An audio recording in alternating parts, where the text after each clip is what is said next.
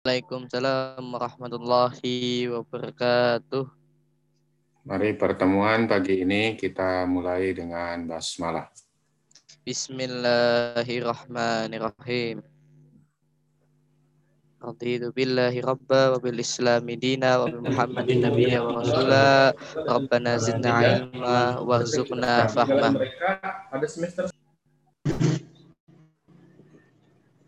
Pertemuan kali ini kita akan membicarakan tentang bola dan karakteristiknya ya. Kenapa kita harus bicara tentang bola?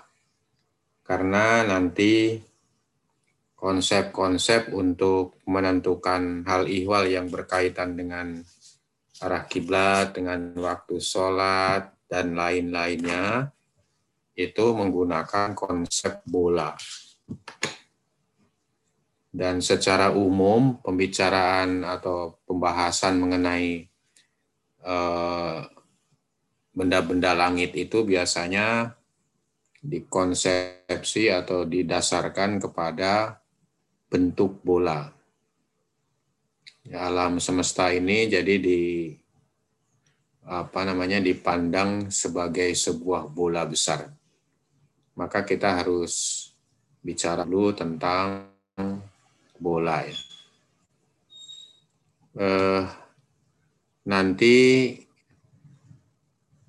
eh, slide PowerPoint tentang bola akan Ana share di WA group ya.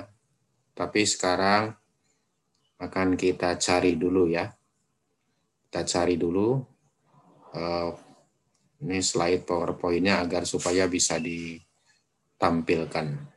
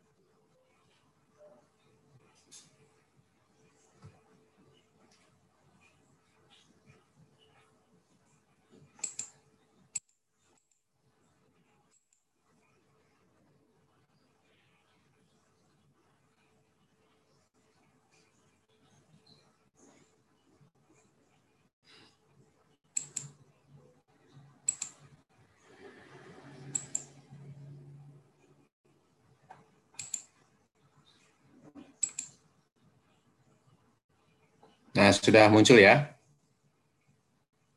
PowerPoint-nya. Sudah bisa lihat? Bisa, Ustaz. Ya. Ini teman-teman yang videonya masih tertutup, tolong dibuka ya. Biar kelihatan wajah-wajahnya, karena belum tahu nih. Satu belum tahu, satu persatu. Nah, kita bicara tentang bola ini. Jadi dalam kehidupan sehari-hari orang mengenal bentuk bola adalah bentuknya yang benda yang bentuknya bulat. Ya seperti bola sepak, kelereng, eh, terus apa pun gitu. Nah, itu karena bulat lalu disebut bola. Dalam ilmu ukur, bola atau tepatnya permukaan bola biasa didefinisikan sebagai tempat kedudukan titik-titik yang memiliki jarak yang sama dari titik tetap. Nah, dalam ilmu ukur didefinisikan seperti itu. Ini ini tidak perlu ditulis dulu ya, nanti juga akan dikirim di share nanti. Tinggal diperhatikan aja berikut eh, penjelasan-penjelasannya. Jadi bola itu semacam sesungguhnya yang dimaksud hanya permukaannya aja kalau dalam ilmu ukur itu. Nah, jadi berupa kumpulan titik-titik itu di permukaannya itu yang memiliki jarak yang sama. Ya, jarak itu sering disebut dengan jari-jari dan ditandai dengan R dari titik tetap. Nah, titik tetap itu yang dimaksud adalah titik pusat bola itu. Yang biasanya ditandai dengan P, titik pusat. Jadi dari permukaan bola itu ke titik pusat itu jaraknya sama. Sehingga menjadi bulat itu ya. Nah, jarak yang sama tersebut dikenal dengan jari-jari. Sedangkan titik tetap dikenal dengan titik pusat bola. Nah, jadi itu. Jadi ini sudah ada konsep bola, ya ini permukaan bola, kemudian ada konsep jari-jari atau R, lalu ada konsep titik pusat bola. Ini semua konsep ya, jadi bukan dalam bentuk fisik ya, jadi misalnya jari-jari, titik pusat, itu semuanya konsep. Meskipun misalnya kalau bolanya itu sendiri fisik, misalnya bola sepak gitu ya, atau kelereng, nah itu fisik ya. Tetapi titik pusatnya yang ada di tengah-tengah itu, nah itu tidak fisik, itu tidak ada. Itu hanya konsep aja. Lalu jari-jari itu, itu juga hanya konsep aja, karena memang tidak ada gitu. Nah, dengan perkataan lain, permukaan bola itu adalah bidang yang bersambung-sambung, tak bertepi, yang memiliki jarak yang sama ke titik pusatnya. Nah, jadi permukaan bola itu adalah bidang yang bersambung-sambung, tak bertepi, yang memiliki jarak yang sama ke titik pusatnya. Ini salah satu ciri khas bola, yaitu bersambung-sambung tak bertepi. Kalau bentuk lainnya itu ada tepinya, misalnya bujur sangkar. Nah, itu kan ada tepinya. Ada sudutnya, ada ada sisinya gitu. Bujur sangkar segi empat itu atau balok misalnya. Itu ada sisinya, ada sudutnya.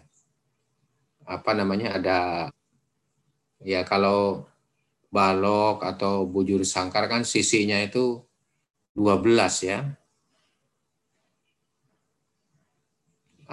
Atas itu datar ada sisinya. Bawah datar ada sisinya. Depan datar ada sisinya. Belakang datar ada sisinya. Kiri ada sisinya. Kanan bidang ada sisinya. Jadi dibatasi dengan sisi-sisi itu. Demikian pula bentuk-bentuk lainnya. Ya, bujur sangkar, kubus ya. Kalau kita sering balok tuh sering nyebut kubus juga. Kemudian eh, prisma, silinder, yang kalau yang kayak apa namanya sorong itu, nah itu juga ada sisinya. Satu-satunya bentuk dalam ilmu ukur yang tidak bertepi adalah bola. Bola itu tidak bertepi. Permukaannya itu tidak bertepi, nyambung gitu aja. Tidak ada sisinya mana, tepinya mana, tidak ada. Nah, itu ciri yang paling utama dari bentuk bola. Jadi ia tak bertepi. Sambung-sambung bidangnya itu tak bertepi. Sementara bentuk lainnya, bidangnya itu, bidang permukaannya itu bertepi tepi itu adalah sambungan dari satu bidang ke bidang lain. Nah, mungkin ini tidak pernah kita perhatikan jangan-jangan ini bentuk-bentuk seperti ini. Oh, bentuk bola betul-betul memang tak bertepi itu. Sambung menyambung dan jaraknya sama dari semua wilayah permukaan ke titik pusatnya sama. Tidak tidak ada yang lebih jauh atau lebih dekat ya, tidak ada. Nah, coba diperhatikan gambar ini.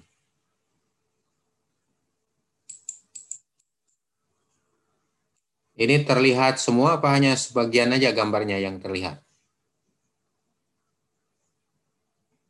Sebagian, Ustaz. Avanzat untuk mungkin slide-nya ini ukuran 100 persennya itu dikurangi sedikit mungkin 90 persen atau 85 persen saat biar kelihatan semua. Nah ini kelihatan ya? Kelihatan Ustaz. Kelihatan Ustaz. Nah jadi ini misalnya bentuk bola ini ini busur atau garis ya yang tidak terputus-putus ini berada di permukaan bola.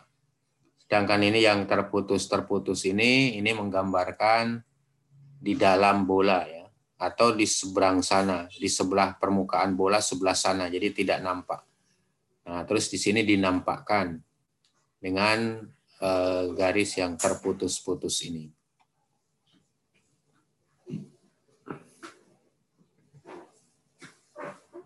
Nah, jadi ini bentuk kita gambarkan misalnya di sini bentuk bola ya. Nah, seandainya bola ini adalah bola kaca yang transparan, maka titik pusat bola itu akan nampak pada titik P. Nah, ini di sini. Di tengah-tengah persis.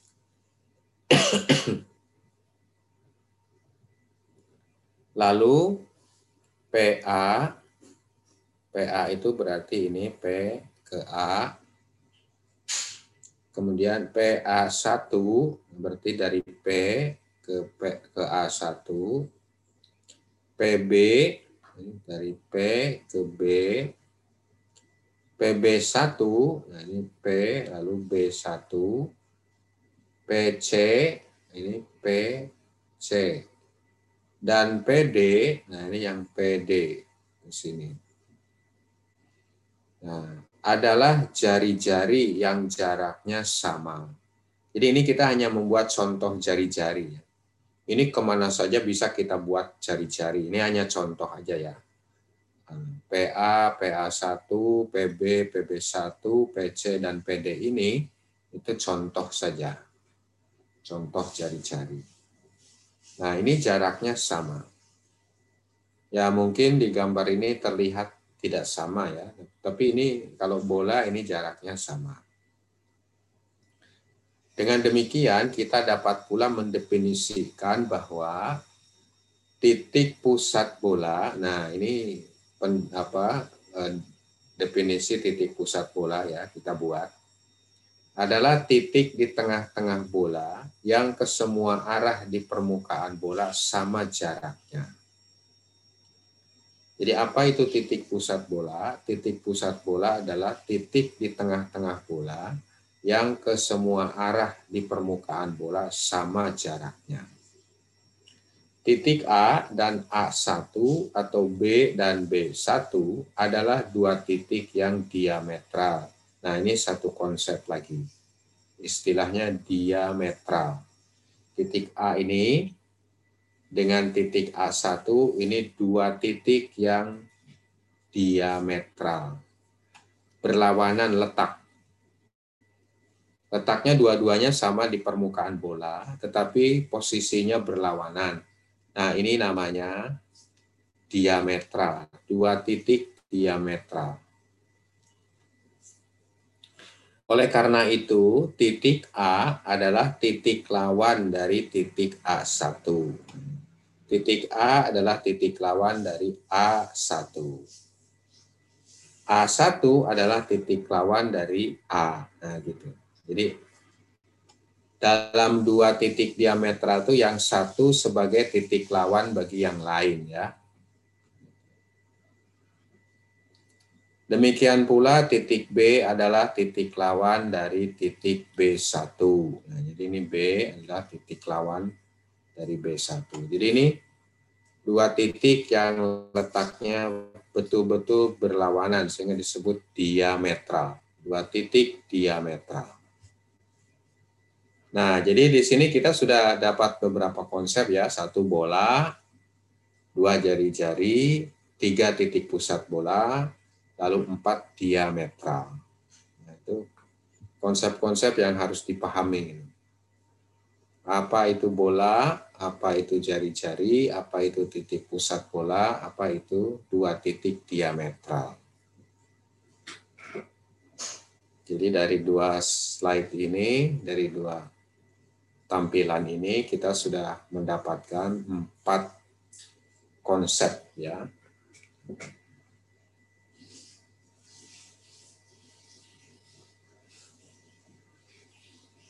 Kemudian kita lanjut ke berikutnya.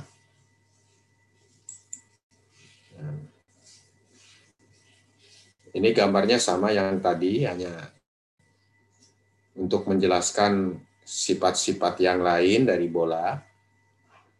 Sekarang perhatikan irisan bola pada BCDE. Ini B, C, D, E. Tentu saja irisan ini sampai ke B lagi ya. Irisan.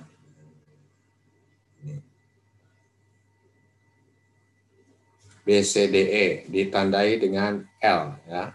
L. Dengan bidang datar yang melalui pusat bola titik B. Nah, bidangnya bidang datarnya ini melalui titik pusat bola ya, bidang dari apa irisan bola ini ada bidang tentu ya. Nah, ini melalui titik pusat bola. Lingkaran pada permukaan bola BCDE, nah ini lingkarannya. Ada permukaan bola BCDE, B lagi berarti B, C, D, E ke B lagi. Itu adalah lingkaran besar. Nah, ini lingkaran besar atau grid circle. Nah, ini kita punya satu konsep lagi, yaitu lingkaran besar atau grid circle. Yaitu lingkaran yang bidangnya ini bersinggungan atau melalui titik pusat bola. Itu namanya lingkaran besar. Jadi lingkaran pada permukaan bola ini yang bidangnya melalui titik pusat bola. Itu namanya lingkaran besar atau grid circle.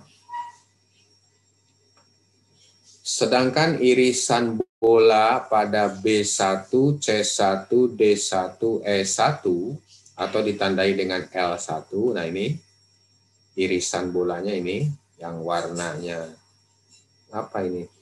Pink ya, kalau aslinya pink. Ini B1, C1, D1, E1, lalu ke B1 lagi. Dengan bidang datarnya tidak melalui pusat bola. Nah, ini tidak melalui pusat bola kan ini. Pusat bolanya ini. Nah, ini tidak melalui pusat pusat bola. Lingkaran pada permukaan bola B1, C1, D1, E1 adalah lingkaran kecil atau small circle. Jadi kalau small circle ini bidangnya tidak melalui pusat bola.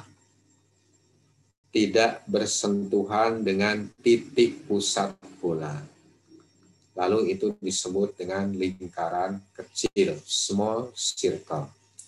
Nah, jadi kita sudah punya enam konsep.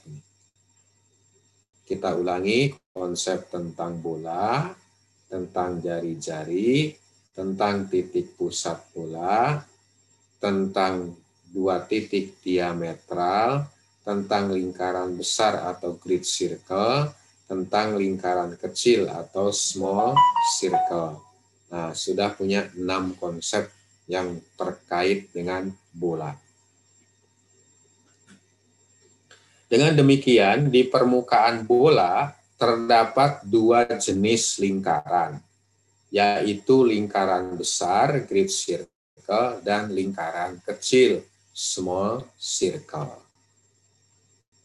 Jadi, seluruh lingkaran yang ada di permukaan bola itu bisa dikategorikan ke dalam dua saja, yaitu grid circle dan small circle. Di mana pun lingkarannya, tinggal kita perhatikan, ini dia lingkaran besar atau lingkaran kecil. Kalau bidangnya bersentuhan dengan pusat bola atau titik pusat bola, berarti lingkaran besar, grid circle kalau tidak, berarti lingkaran kecil atau small circle.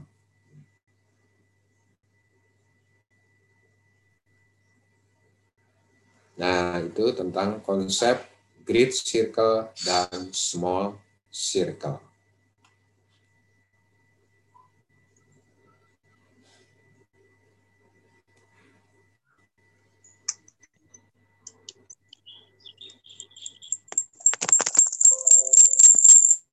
Slide keempat. Nah, saya perhatikan lebih sederhana gambarnya. Melalui titik pusat bola P, nah melalui titik pusat bola ini P tadi, kita buat garis tegak lurus dengan bidang lingkaran besar L. Tadi sudah kita tahu ini lingkaran besar L tadi ya. Nah, Lalu kita buat garis tegak lurus dengan bidang lingkaran besar L. Berarti garis tegak lurusnya ini. PA atau PA1. Nah, ini garis tegak lurus nih. Dengan bidang lingkaran L ini. Lingkaran besar ya. Garis itu akan menembus permukaan bola pada dua titik yaitu titik A dan A1. Nah, jadi kalau dibuat garis itu di dalam bola tegak lurus dengan bidang lingkaran besar ini, nah ini tanda tegak lurusnya ya. Maka dia akan menembus dua titik di permukaan bola, yaitu titik A dan titik A1 atau akan membuat ya dua titik ya titiknya. Dari ke atas ini nembus tek. Nah di titik A kalau ke bawah terus ke sini tek sampai di permukaan bola pada titik A1 Nah, titik A dan titik A1 disebut dengan kutub-kutub dari lingkaran besar L. Nah, ini satu konsep lagi. Jadi ada, ada namanya kutub lingkaran. Ya, kalau ini lingkaran L, nah, ini maka ada dua kutubnya, yaitu kutub A dan kutub A1. Ini A dan A1 ini merupakan kutub dari lingkaran besar L. Nah, jadi setiap lingkaran itu memiliki kutub masing-masing. Dan kutubnya ada dua, ya, seperti halnya lingkaran L ini, kutubnya dua. Di mana pun posisinya lingkaran ini di permukaan bola, ia akan memiliki dua kutub. Ya, nah, dua kutub.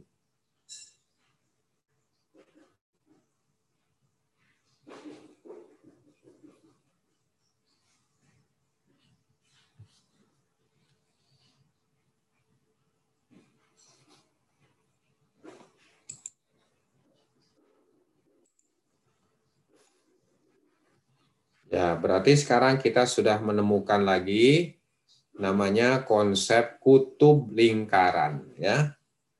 Kutub lingkaran.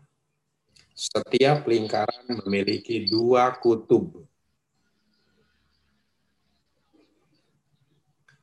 Kita ulangi coba refresh. Pertama tadi tentang bola. Dua tentang jari-jari. Tiga tentang titik pusat bola. 4 tentang dua titik diametral. 5 tentang grid circle. 6 tentang small circle. 7 tentang kutub-kutub lingkaran. Nah, itu sudah tujuh konsep. Lalu kita perhatikan lagi garis A, P, A1. A, P, A1. Nah, ini garis. Kalau lurus begini namanya garis. Kalau melengkung begini namanya busur. Ya, bagian dari lingkaran itu namanya busur. Nah, A, P, A1 ini merupakan garis. Lalu garis ini disebut dengan garis poros atau garis sumbu dari lingkaran besar L. Nah, jadi ada poros atau sumbu lingkaran. Ada lingkaran L, maka dia memiliki dua kutub dan ia memiliki poros atau sumbu lingkaran. Nah, inilah konsep yang ke-8, yaitu poros atau sumbu lingkaran.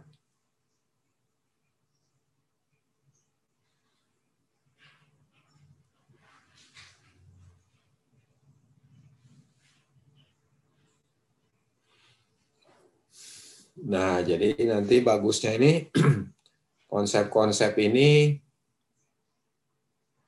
sudah punya kita jadinya jadi jadi delapan ini dengan sumbu ini. Itu kita bagusnya nanti hafal di luar kepala.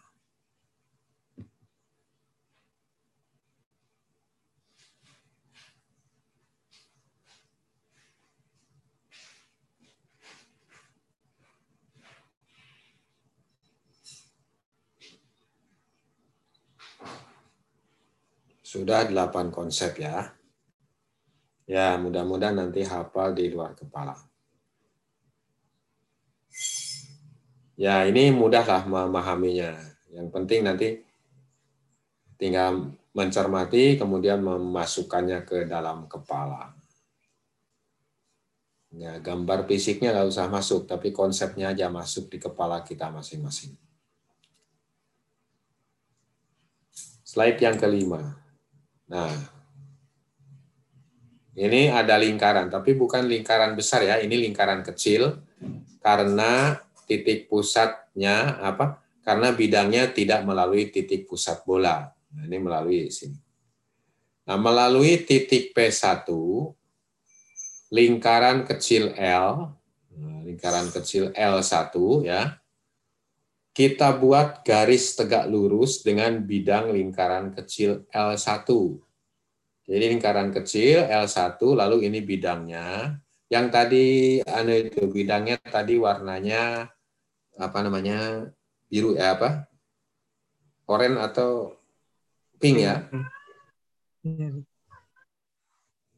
Ini bagusnya juga dikasih warna seperti tadi itu. Tapi baiklah nanti kita perbaiki lagi ya. garis itu akan menembus permukaan bola pada dua titik, yaitu titik K dan K1. Titik K dan K1. Titik K dan titik K1 disebut dengan kutub-kutub dari lingkaran kecil L. Satu. Jadi lingkaran kecil juga itu memiliki dua kutub, sebagaimana tadi lingkaran besar. Jadi ini juga namanya kutub lingkaran. Jadi lingkaran besar mempunyai dua kutub, lingkaran kecil juga sama memiliki dua kutub. Sehingga kita bisa menyimpulkan karena lingkaran di permukaan bola itu hanya dua, yaitu lingkaran besar dan lingkaran kecil jenisnya, maka kita katakan semua lingkaran berarti punya masing-masing punya dua kutub ya semua lingkaran di permukaan bola itu masing-masing memiliki dua kutub. Lalu garis K P1 K1, nah ini K P1 K1 disebut dengan garis poros atau sumbu dari lingkaran kecil L1. Nah, sama dengan tadi. Jadi ini dua konsep tentang titik kutub dan garis poros sama ya. Jadi kita tidak menambah konsep lagi, hanya menjelaskan bahwa di dalam lingkaran besar ada dua kutub, satu poros. Dalam lingkaran kecil juga begitu, lingkaran kecil memiliki dua kutub dan satu poros. Nah. Jadi ini kesimpulannya, setiap lingkaran pada permukaan bola masing-masing memiliki dua kutub dan poros atau sumbu. Nah,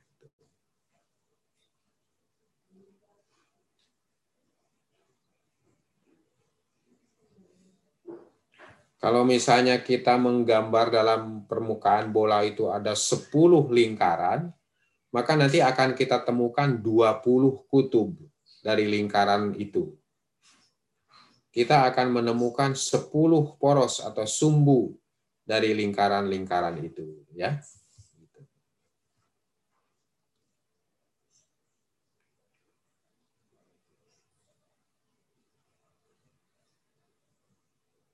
Yang keenam apa? Wah, ini malah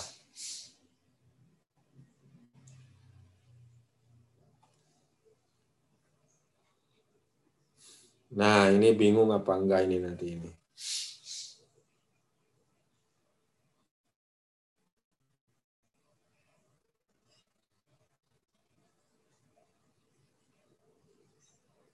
Ya, ini kita maksudnya menggambar beberapa buah lingkaran ya.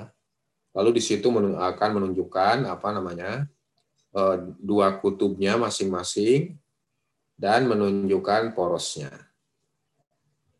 Ini misalnya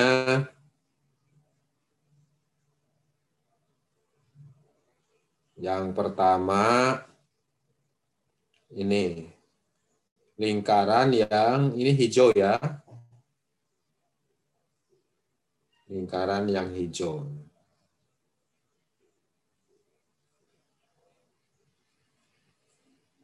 Nah, kan ada dua titik kutubnya. A, kemudian A1. Nah, kemudian yang, yang merah ini. Ini juga lingkaran ini. Nah, bagusnya yang sebelah sana di anu ya, diputus-putus ya. Ini nanti diperbaiki gambarnya. Ini juga lingkaran, Ini kutubnya ada pada F1 dan F. Ada F dan F1. Ini yang hitam juga lingkaran. Ini juga kutubnya ada pada F dan F1. Ya, ini porosnya tentu F, F1. Ini ada sungguhnya satu lagi, ini lingkaran tapi nggak kelihatan ini. Nah, ini.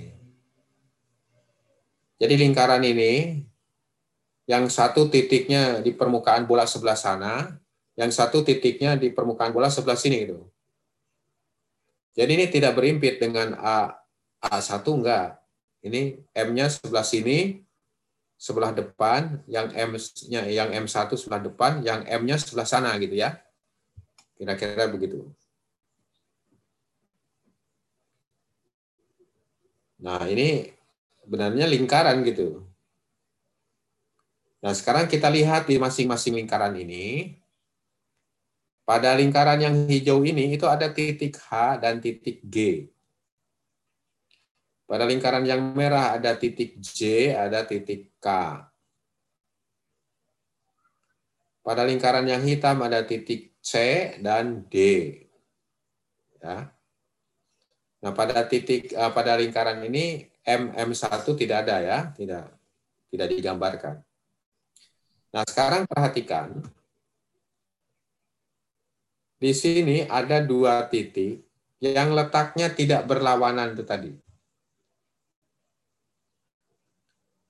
Kalau A dengan A1 kan ini berlawanan, disebut dengan dua titik diametral. Tetapi kalau yang tidak berlawanan letaknya seperti H dengan G, C dengan D, J dengan K, ini tidak berlawanan letaknya.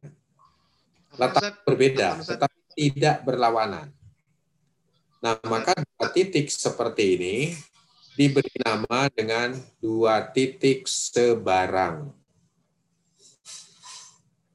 C dan D ini dua titik sebarang. G dan H ini dua titik sebarang. J dan K ini dua titik sebarang. Nah, jadi ini sudah ada lagi satu konsep yaitu titik sebarang. Bukan sembarang ya, sebarang.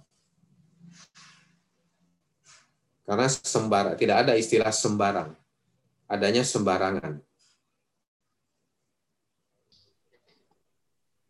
Sembarangan aja gitu. Ustaz, telepon Ustaz mau bertanya Ustaz. Ya. Uh, aslinya mau mengonfirmasi Ustaz.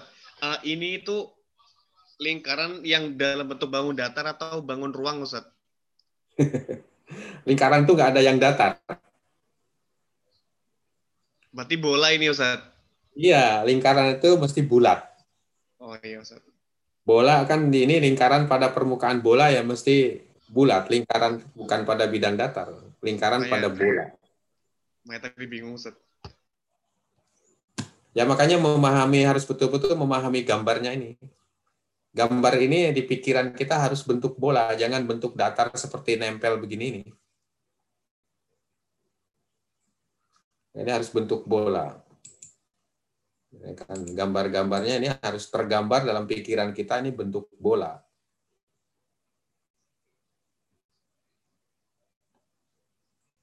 Makanya biasanya diberi tanda seperti ini. Ini yang kelihatan permukaan bola, Nah, ini yang sebelah sana yang tidak kelihatan, tapi ditunjukkan supaya kelihatan gitu ya. Ini semua kita bicaranya bentuk bola. Jadi tidak. Tadi yang datar-datar itu bidangnya seperti Nah, seperti ini. Yang warna ini, yang diwarnai ini, ini bidang. Ini datar ini. Ini yang warna ini juga bidang. Ini datar. Jadi lingkaran ini lingkaran bukan anu, terus lingkaran itu kan punya bidang. Kalau kita punya bola sepak atau punya semangka lah ya, kemudian dikerat tuh, kerat di sini, dipotong, nah maka nanti kan jadi dua begitu, lalu masing-masing punya permukaan itu ya, yang dilalui oleh pisau yang memotong itu tadi. Nah, itu namanya bidangnya. Oke, kita lanjut dulu ya ke gambar ini tadi. Jadi kita punya dua eh, apa konsep titik tadi dua titik yang berlawanan letaknya itu titik diametral di mana yang satu titik merupakan titik lawan dari titik yang lain. Titik yang satu merupakan titik lawan dari yang lain. Itu untuk dua titik diametral. Lalu ada dua pasangan lagi, yakni dua titik. Pasangan dua titik itu, dia tidak diametral, letaknya itu tidak berlawanan. Seperti dalam gambar ini C dengan D. Ada pada lingkaran ini. Pada lingkaran ini, pada lingkaran L ada dua titik C dan D. Ini di permukaan bola. Tidak berlawanan ini. hanya letaknya berbeda tempatnya. Nah, ini namanya dua titik sebarang. Kalau dalam dua titik sebarang, tidak ada konsep C merupakan titik lawan dari D. Enggak, karena ini tidak berlawanan. Nah, ini namanya titik sebarang. G dengan H ini juga dua titik sebarang. Ini pada lingkaran L1. J dengan K ini juga dua titik sebarang.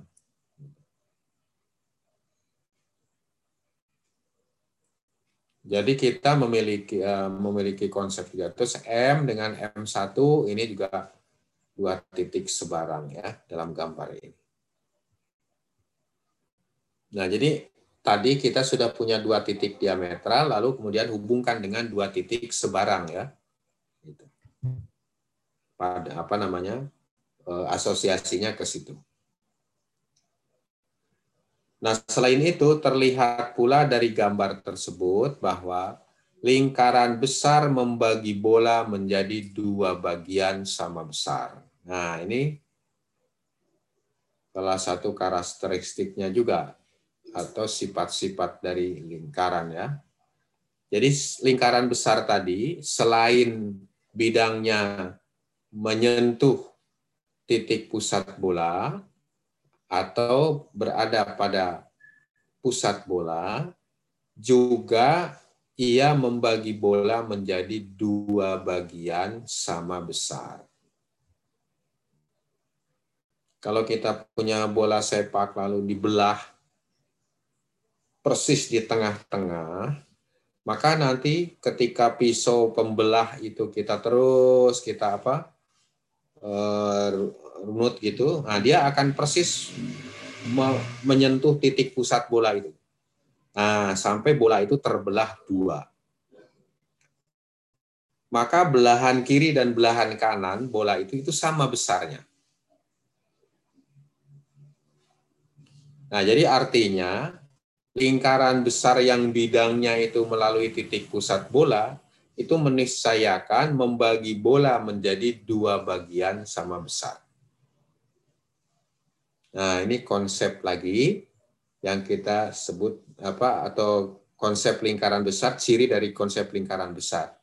Tadi satu bidangnya melalui titik pusat bola. Dua, membagi bola menjadi dua bagian sama besar. Nah, itu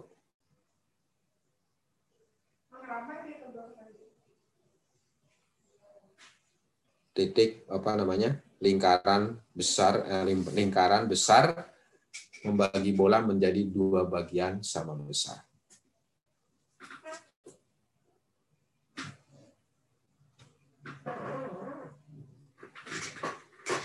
Sudah dapat dua ciri dari lingkaran besar ya atau apa namanya dua sifat atau dua akibat dari lingkaran besar.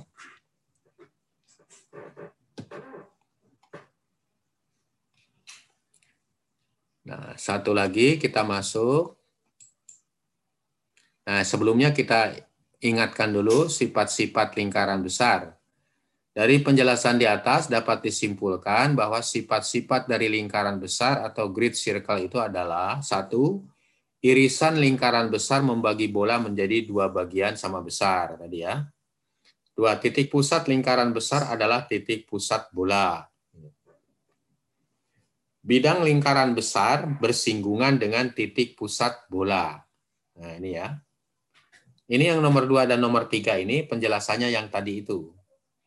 Karena bidangnya menyentuh titik pusat bola, maka tentu titik pusat lingkaran besar itu adalah titik pusat bola itu sendiri, gitu ya. Lalu ini yang empat dan lima, ini perlu ada penjelasan lebih lanjut nanti. Melalui dua titik sebarang, nah ingat lagi, dua titik sebarang, di permukaan bola selalu dan hanya dapat dibuat sebuah lingkaran besar. Jadi kalau antum misalnya ingin membuat lingkaran besar melalui titik C dan D tadi. Melalui titik C dan D ini. Nah, kalau Anda mau membuat lingkaran besar, ada dua titik di permukaan bola, yaitu C dan D. Titik ini titik sebarang. Nah, maka hanya bisa dibuat sebuah lingkaran besar. Tidak bisa dibuat lagi lebih dari satu. Kalau dibuat lagi ya tetap melalui ini juga. Buat lagi ya tetap ini juga. Tidak bisa dibuat lebih dari satu. Hanya satu-satunya. Bisa dibuat lingkaran besar melalui dua titik sebarang itu.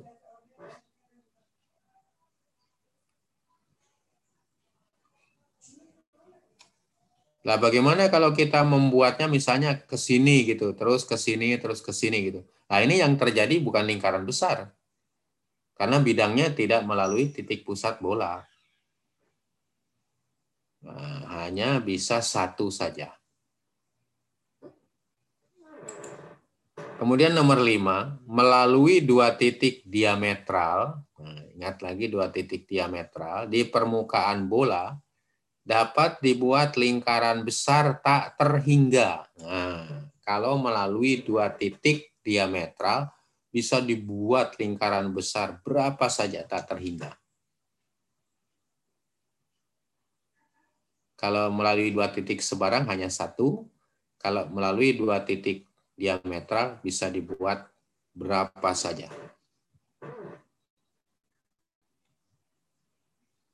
Seperti ini. Titik A dan A1 ini, dua titik diametral. Bisa dibuat lingkaran berapa saja. Nih, yang hijau ini lingkaran besar, satu. Ini yang hitam ini lingkaran besar. Dua, ya kan? Nanti bisa dibuat lagi ke sini. Tiga, gitu. Nah, bisa dibuat berapa saja. Kalau di bumi, dua titik diametral itu, itu kan kutub utara dan kutub selatan. Nah, melalui kutub utara dan kutub selatan itu bisa dibuat lingkaran besar sebanyak mungkin, tak terhingga.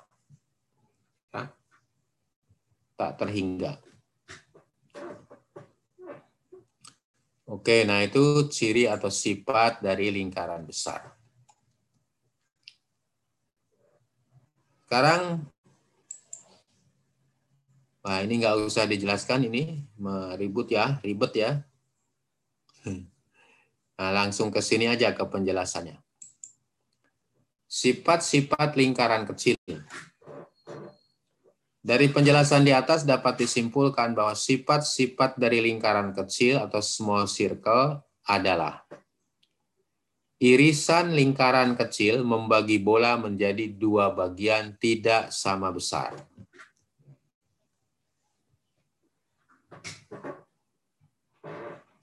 Coba lihat gambar di sini.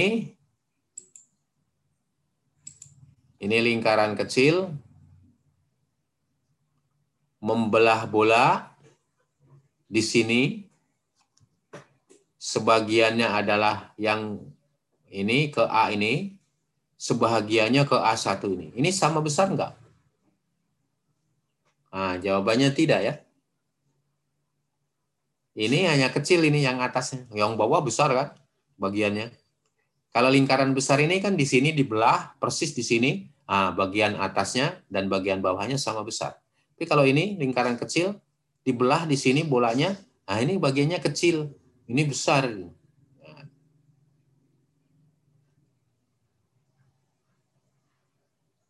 Kalau kita mau membagi semangka dibagi dua supaya sama besar kan motongnya di tengah-tengah ya. Nah, nanti yang terjadi lingkaran besar. Kalau di samping, samping dulu gitu, nah itu nanti yang satu kecil, yang satu besar.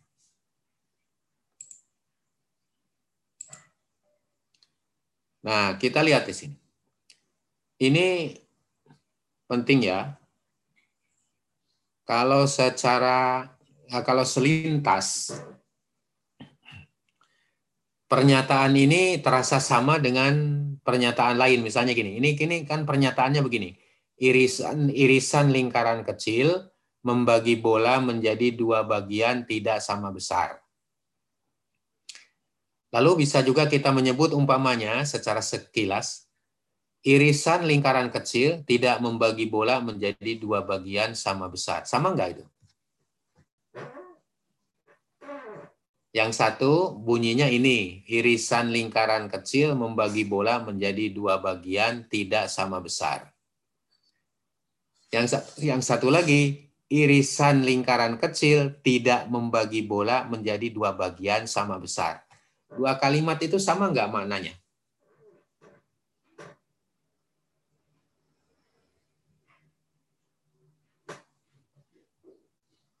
Ini logik kemudian usul fikih ini harus cermat. Masih bingung Ustaz. Ya? Masih bingung Ustaz. Kok masih bingung? Dua kalimat itu, dua kalimat itu maknanya sama enggak? Dua kalimat. Bah, kita ini masih ada tempat enggak? Oh, enggak ada ya. Sudah habis. Jadi ini kan kalimat ini irisan lingkaran kecil membagi bola menjadi dua bagian tidak sama besar. Kita pindah kata tidaknya.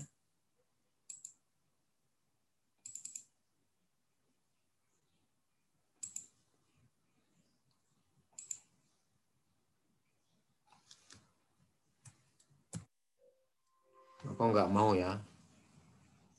Bentar.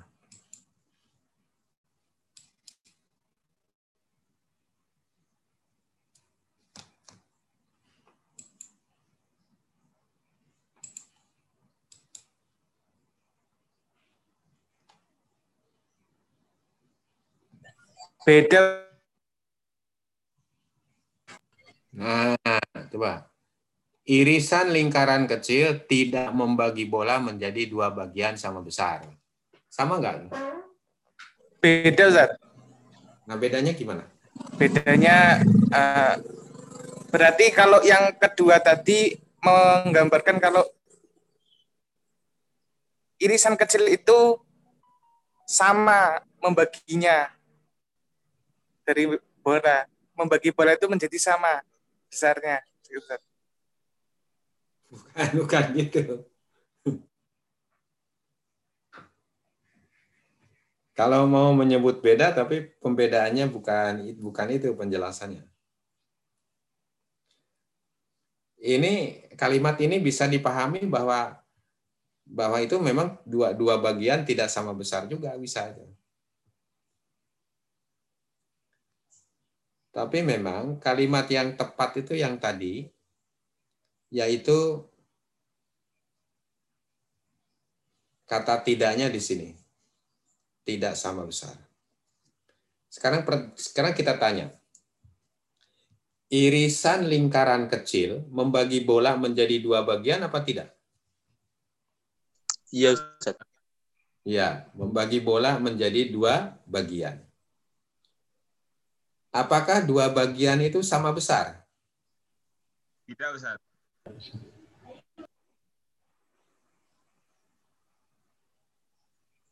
Irisan lingkaran kecil itu membagi bola menjadi dua bagian. Apakah dua bagian itu sama besar? Tidak, Ustaz. Tidak, Ustaz. Jawabannya? Tidak. Tidak. Tidak. Maka tidak itu letaknya di mana? Di Oh, Ustaz yang tidak sebelum sama itu. Tidak itu letaknya di sama besarnya. Iya, Kalau membaginya ya membagi bola menjadi dua bagian, baik lingkaran besar maupun lingkaran kecil. Membagi bola menjadi dua bagian. Bedanya lingkaran kecil, lingkaran besar itu itu dua bagiannya sama besar. Sedangkan lingkaran kecil dua bagiannya tidak sama besar. Oleh karena itu tidak tidak bisa diletakkan di sini, harus diletakkan sebelum kata-kata sama besar. Tapi kalau sekilas kita membaca misalnya pernyataan ini hampir apa kita akan bisa mengatakan ini sama irisan lingkaran kecil tidak membagi bola menjadi dua bagian sama besar. Ya kan? Tidak membagi bola menjadi dua bagian sama besar kan? Yang satu kecil yang satu besar. Tetapi itu akan menimbulkan tafsir lain, yaitu tidak membagi bola menjadi dua bagian. Nah, kalau gitu menjadi berapa bagian? Tiga bagian, empat bagian, atau berapa? Padahal ia hanya membagi bola menjadi dua bagian. Nah inilah kalimat-kalimat yang harus diperhatikan itu. Kalau dalam usul fikih kan ada dalam logika terutama ya, membubu, meletakkan kata harus di mana itu agar supaya tidak menimbulkan apa makna yang jumbo. Bisa begini maknanya, bisa begitu maknanya. Gitu. Tapi kalau sudah kita letakkan kata tidak itu di di depan sama besar, itu ya, tidak letaknya di sini, itu maka sudah tidak bisa diberi tafsir lain.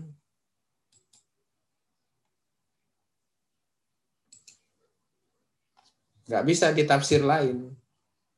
Nggak mungkin ada makna lain. Kecuali, iya, dua, dua bagian itu. Tapi satu bagian lebih kecil daripada bagian yang lain. Atau satu bagian lebih besar daripada bagian yang lain. Ini enggak, enggak ada tafsir lain kecuali itu.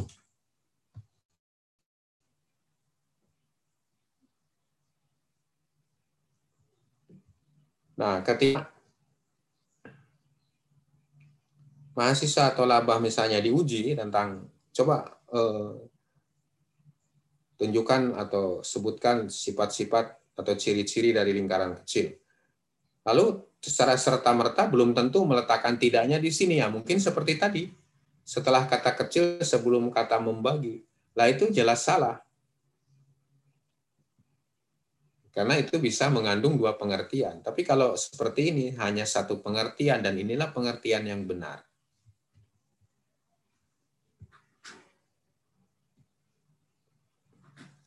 Nah, jadi dalam ilmu palak atau lebih umum dalam ilmu ukur mesti juga pernyataan-pernyataan itu harus akurat, harus pasti. Jangan sampai ada tafsir lain tidak ambigu gitu ya. Kemudian yang kedua sifatnya titik pusat lingkaran kecil berada di luar titik pusat bola.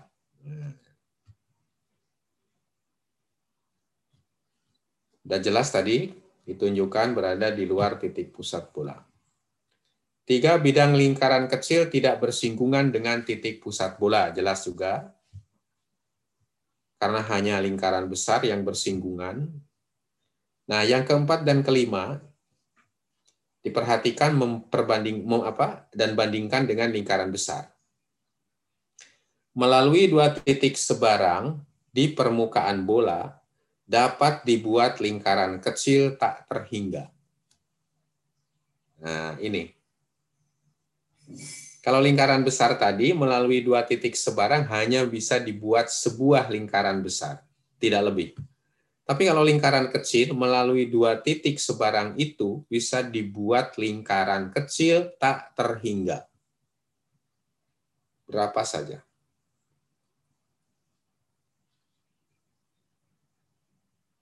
Kita bisa membuat sebanyak-banyaknya lingkaran melalui dua titik sebarang. Lingkaran itu adalah lingkaran-lingkaran kecil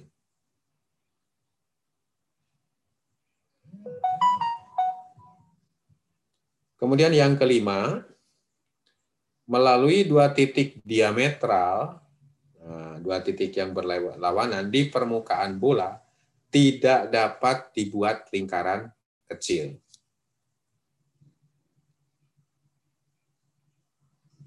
Jadi melalui dua titik diametral tidak bisa dibuat lingkaran kecil.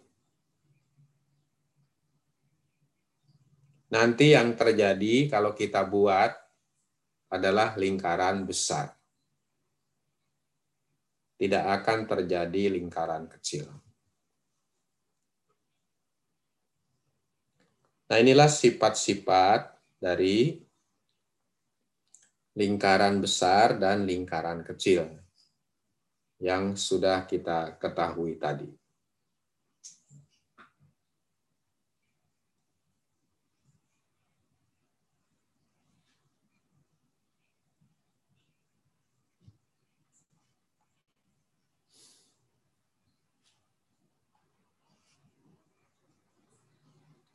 Slide berikutnya ini konsep lain lagi. Perhatikan gambar ini, itu ada dua titik sebarang, yaitu titik A dan titik B pada lingkaran L. Lingkaran L adalah lingkaran besar. Bidangnya menyentuh titik pusat bola, dan titik pusatnya juga pada titik pusat bola. Nah, melalui dua titik sebarang A dan B di permukaan bola, selalu dapat dibuat satu buah lingkaran besar. Oke ya, tadi sudah dijelaskan. Hal ini mudah dipahami karena tiap tiga titik, tiap tiga titik, A, B, dan pusat bola P selalu dapat dibuat bidang datar. Jadi melalui dua titik ini, titik A, titik P, titik B, salah satunya titik P ini adalah titik pusat bola. Ini bisa dibuat bidang datar ini. Oleh karena itu, maka dari sini selalu bisa dibuat lingkaran besar. Yang bidangnya ya sama dengan bidang ini, bidang tiga titik ini. Nah, karena bidang ini melalui pusat bola, maka irisannya pasti merupakan lingkaran besar. Ya. Lingkaran besar L. Nah, ini tadi hanya untuk menjelaskan bahwa pada dua titik sebarang itu bisa dibuat lingkaran besar, tapi hanya satu.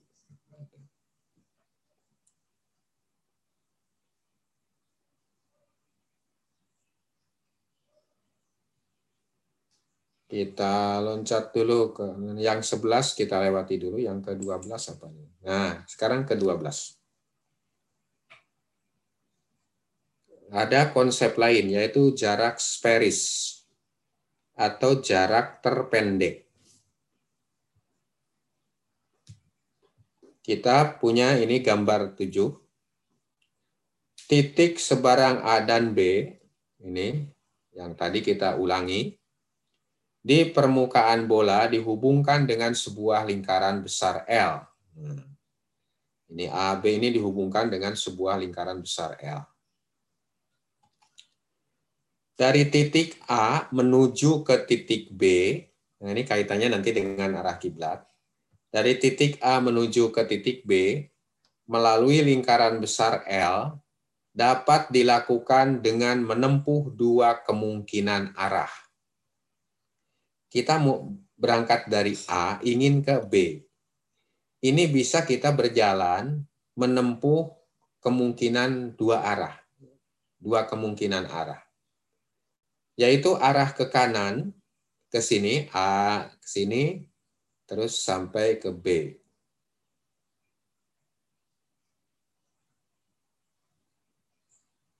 Atau arah memutar ke kiri atau ini A muter ke sini terus terus ke sini. Nah, sampai juga ke B.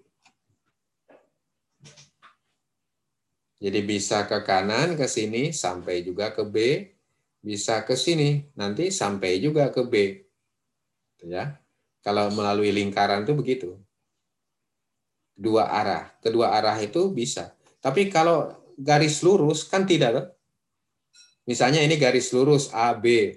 Nah, bisanya kita hanya A, B ke sini. Kalau ke sini kan terus saja ke sini, nggak akan nyampe ke B, malah makin jauh kan. Itu garis lurus begitu. Tapi kalau lingkaran, nah ini kan muter begini.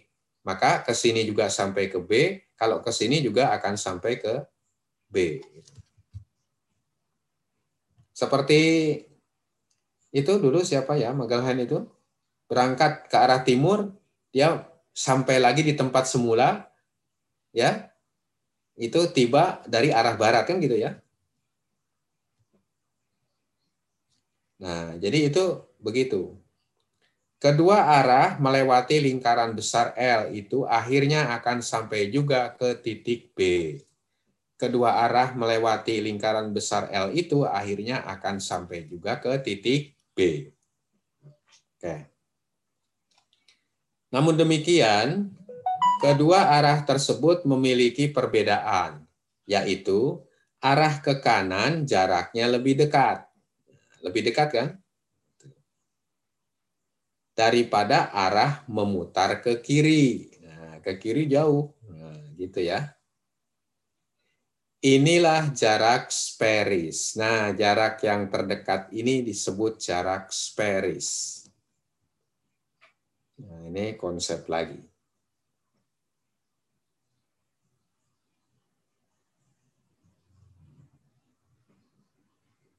Jadi misalnya kalau kita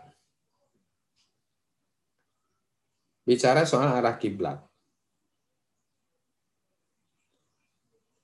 Kita sholat di permukaan bumi. Ka'bah itu juga di permukaan bumi. Kalau kita sholat menghadap Ka'bah itu berarti kita di permukaan bumi menghadap Ka'bah yang juga di, di permukaan bumi. Kalau bumi ini digambarkan bumi ini adalah bulat. Maka misalnya kalau kita dari Jogja ya, menghadap ke Ka'bah itu ke barat miring ke utara. Kalau kita berjalan sampailah ke Ka'bah. Sebenarnya kalau kita juga menghadap ke timur miring ke selatan, nanti sampai juga ke Ka'bah. Muter gitu terus, muter. Ya, nyampe juga ke Ka'bah. Ibaratkan A ini tempat sholat kita, B ini Ka'bah. Nah, dari A ke B kan bisa menghadap ke sini, nah sampai ke Ka'bah. Lah menghadap ke arah yang berlawanan ke sini, nah juga bisa nanti sama sampai ke Ka'bah. Karena arah di permukaan bola itu yang memutar bukan lurus terus. Kalau lurus terus nggak pernah nggak akan pernah bisa nyampe di Ka'bah itu. Apa sholat yang jauh seperti di Indonesia ini enggak. Kalau lurus kan berarti nanti ke atas Ka'bah itu enggak permukaan bolanya itu tidak datar, permukaan bolanya itu bulat, cembung. Sementara kita berdiri tegak, menggunakan konsep arah dengan garis lurus yang nggak nyampe-nyampe ke Ka'bah. Nah, jadi menghadap ke dari Indonesia menghadap ke barat miring ke utara nyampe ke Ka'bah, menghadap ke timur miring ke selatan juga nyampe ke Ka'bah. Oh, kalau gitu arah kiblatnya berarti boleh menghadap ke timur agak miring ke selatan ya gitu. Sama-sama sampai juga ke Ka'bah.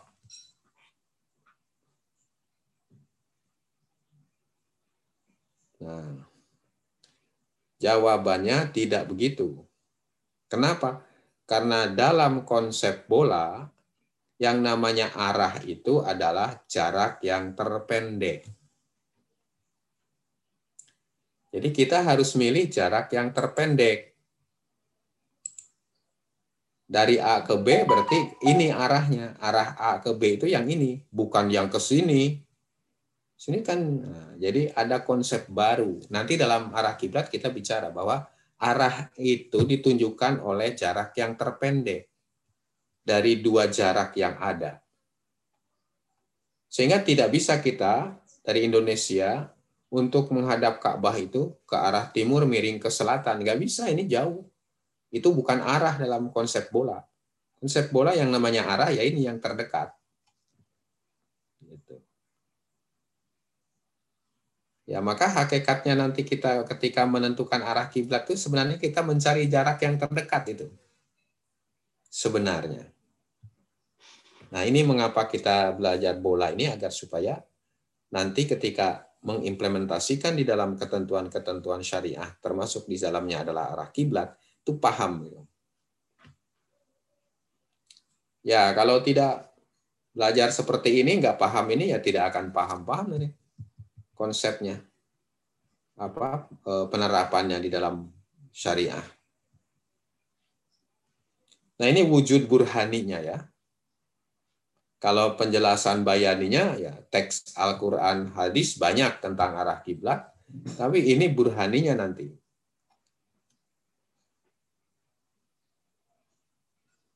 Ya, nalar keilmuannya. Tanpa memasukkan burhani itu dalam konsep arah kiblat, wah itu bisa kesasar.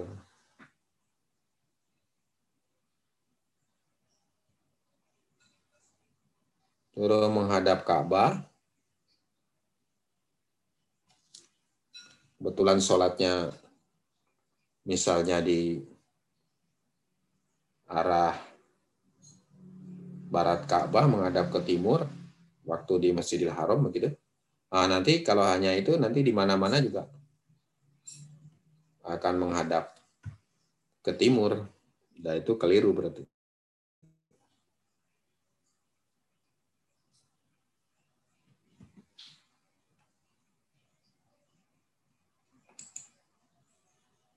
Nah, kiranya yang lain tidak perlu ada penjelasan ini karena sama jarak sferis hanya contoh aja. Hanya yang ini perlu penjelasan terakhir ini. Tadi ada titik A, titik B, kemudian ini jarak sferis AB di sini. Maka di sini ada konsep lain yaitu jarak busur dari A dari titik A ke kutub lingkaran ini dari titik B ke kutub lingkaran ini, lingkaran L ini, kan ini kutubnya salah satunya adalah K, sini K1, ini sama jaraknya. Dan karena ini lingkaran besar, maka dari lingkaran besar ke kutub itu 90 derajat. Nah, ini 90 derajat. BK 90 derajat, kemudian AK juga 90 derajat, atau setengah radian.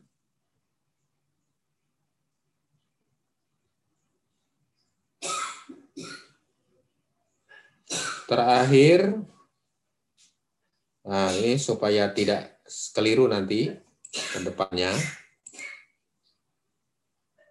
perlu diketahui tentang satuan ukuran ya.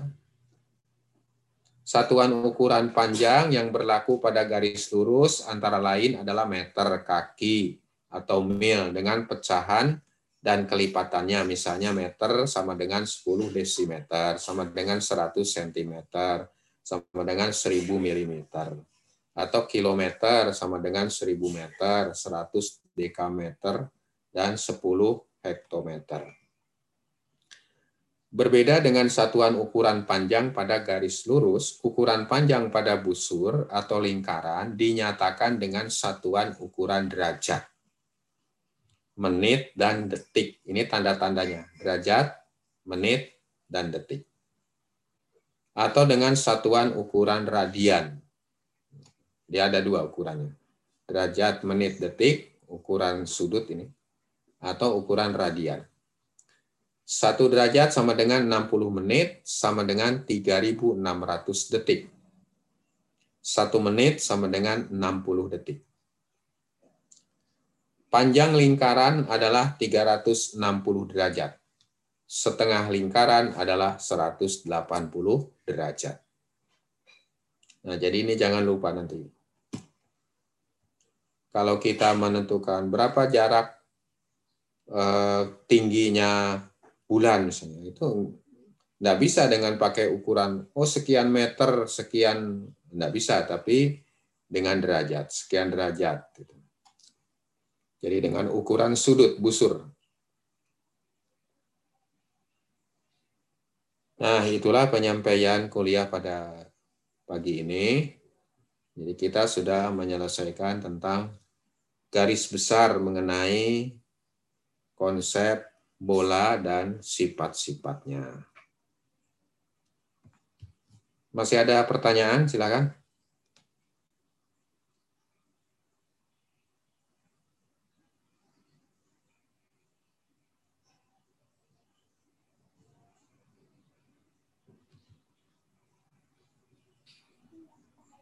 Avanzat uh, untuk penerapannya bukannya apa ya? Untuk penerapan dari rumus itu tadi kan itu kan misalnya kalau bumi itu adalah bulat. Nah, sedangkan uh, setahu saya itu kan enggak mungkin apa bulat sepenuhnya seperti apa bola. Tapi agak cenderung lonjong mampat ke dua apa ke dua kutub Ustaz. Nah, tapi apa rumus tadi itu masih bisa diterapkan juga, Dad? meskipun keadaannya seperti itu? Ya, kalau ini kan konsepnya konsep bola ya. Belum ada rumusnya, baru ada konsep-konsep bola aja. Nanti ketika kita menentukan arah kiblat, sebenarnya menentukan arah di muka bumi itu bisa dengan tiga teori ya. Satu teori bola, dan ini yang paling mudah dipahami. Bumi dianggap sebagai bola yang bulat betul. Bisa dengan teori geodesi, bumi dianggap sebagai bumi apa adanya. Itu lebih sulit dan lebih rumit. Kemudian ada teori navigasi, perjalanan dari satu tempat ke tempat lain di muka bumi. Nah, itu tidak relevan untuk arah kiblat karena arah kiblat bukan kita untuk berjalan menuju Ka'bah, tapi hanya menghadap saja. Kita diam, tidak berjalan. Kalau navigasi kan artinya perjalanan, jalur yang harus ditempuh. Tidak relevan. Nah, yang ideal adalah yang geosentrik atau geodesi tadi. Yang bumi dianggap sebagai apa adanya. Tapi yang untuk memudahkan dalam kehidupan syariah, dalam pengamalan syariah itu, cukup dengan menggunakan bola. Bumi dianggap sebagai bola, bulat betul. Dan untuk arah kiblat itu tidak mempengaruhi arah yang signifikan. Jadi masih tetap dalam batas-batas toleransi yang masih apa namanya bisa diakui atau bisa disahkan. Yang selama ini kita pelajari itu arah kiblat, nanti kita akan lebih lanjut akan jelaskan. Itu adalah dalam konsep bumi sebagai bola. Pepatan pada kedua kutubnya yang hanya kecil saja, satu berbanding 297 itu, atau 197 itu, itu terlalu kecil. Sehingga kalau mengukur arah kiblat, ya bumi ini sama saja antara diukur sebagai bola dengan diukur sebagai geo, sebagai geodesi, sebagai bumi apa adanya. Oleh karena itu kemudian biasanya kita cari yang mudah. Pakai konsep bola dan menggunakan ilmu ukur bola beserta perangkat-perangkatnya. Sehingga menjadi sederhana dan menjadi mudah dicerna. Itu penjelasannya.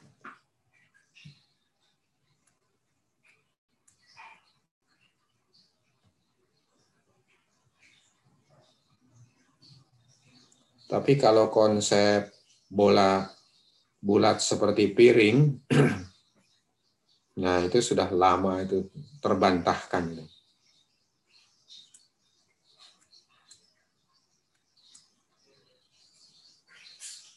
Tetapi kalau dalam Al-Quran itu bumi dihamparkan. Kok dihamparkan itu mestinya kayak tikar.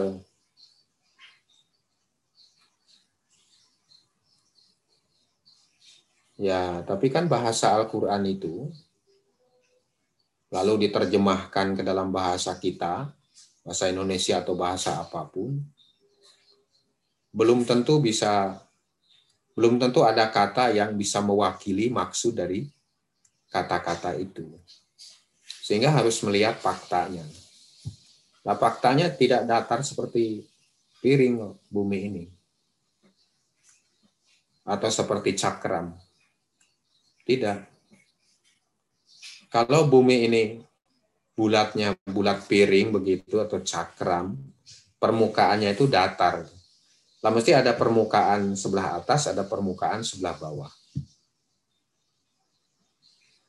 Lalu kalau misalnya matahari terbit,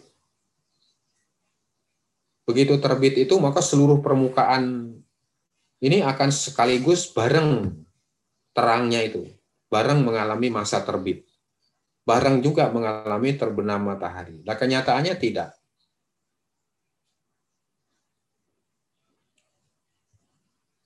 Misalnya kalau di Jogja itu, di Surabaya sudah terbit matahari, di Jogja belum. Apalagi di Jakarta. Ketika di Surabaya matahari terbenam, lah di Surab di Jogja belum terbenam. Di Jakarta belum terbenam. Nah, kalau datar misalnya antara Surabaya, Jogja, Jakarta itu ada pada satu permukaan yang datar, lah mestinya terbit matahari bareng semua. Terbenam matahari bareng kan gitu. Nah, ini kenyataannya tidak. Itu yang paling sederhana aja begitu. Untuk membantah bahwa bumi ini tidak datar seperti itu.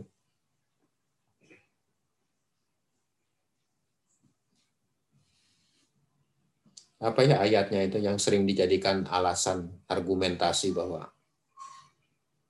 bumi ini tidak bulat bola tapi bulat kayak piring atau kayak cakram. Karena dalilnya ayat itu.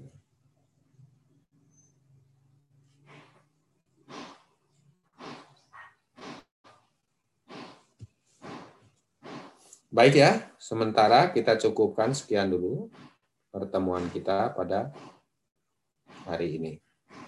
Insya Allah nanti ini nanti kita kirim ya, di share ya. Mungkin ke WA Group. Baik, mari kita akhiri dengan hamdalah. Alhamdulillah. Alhamdulillah.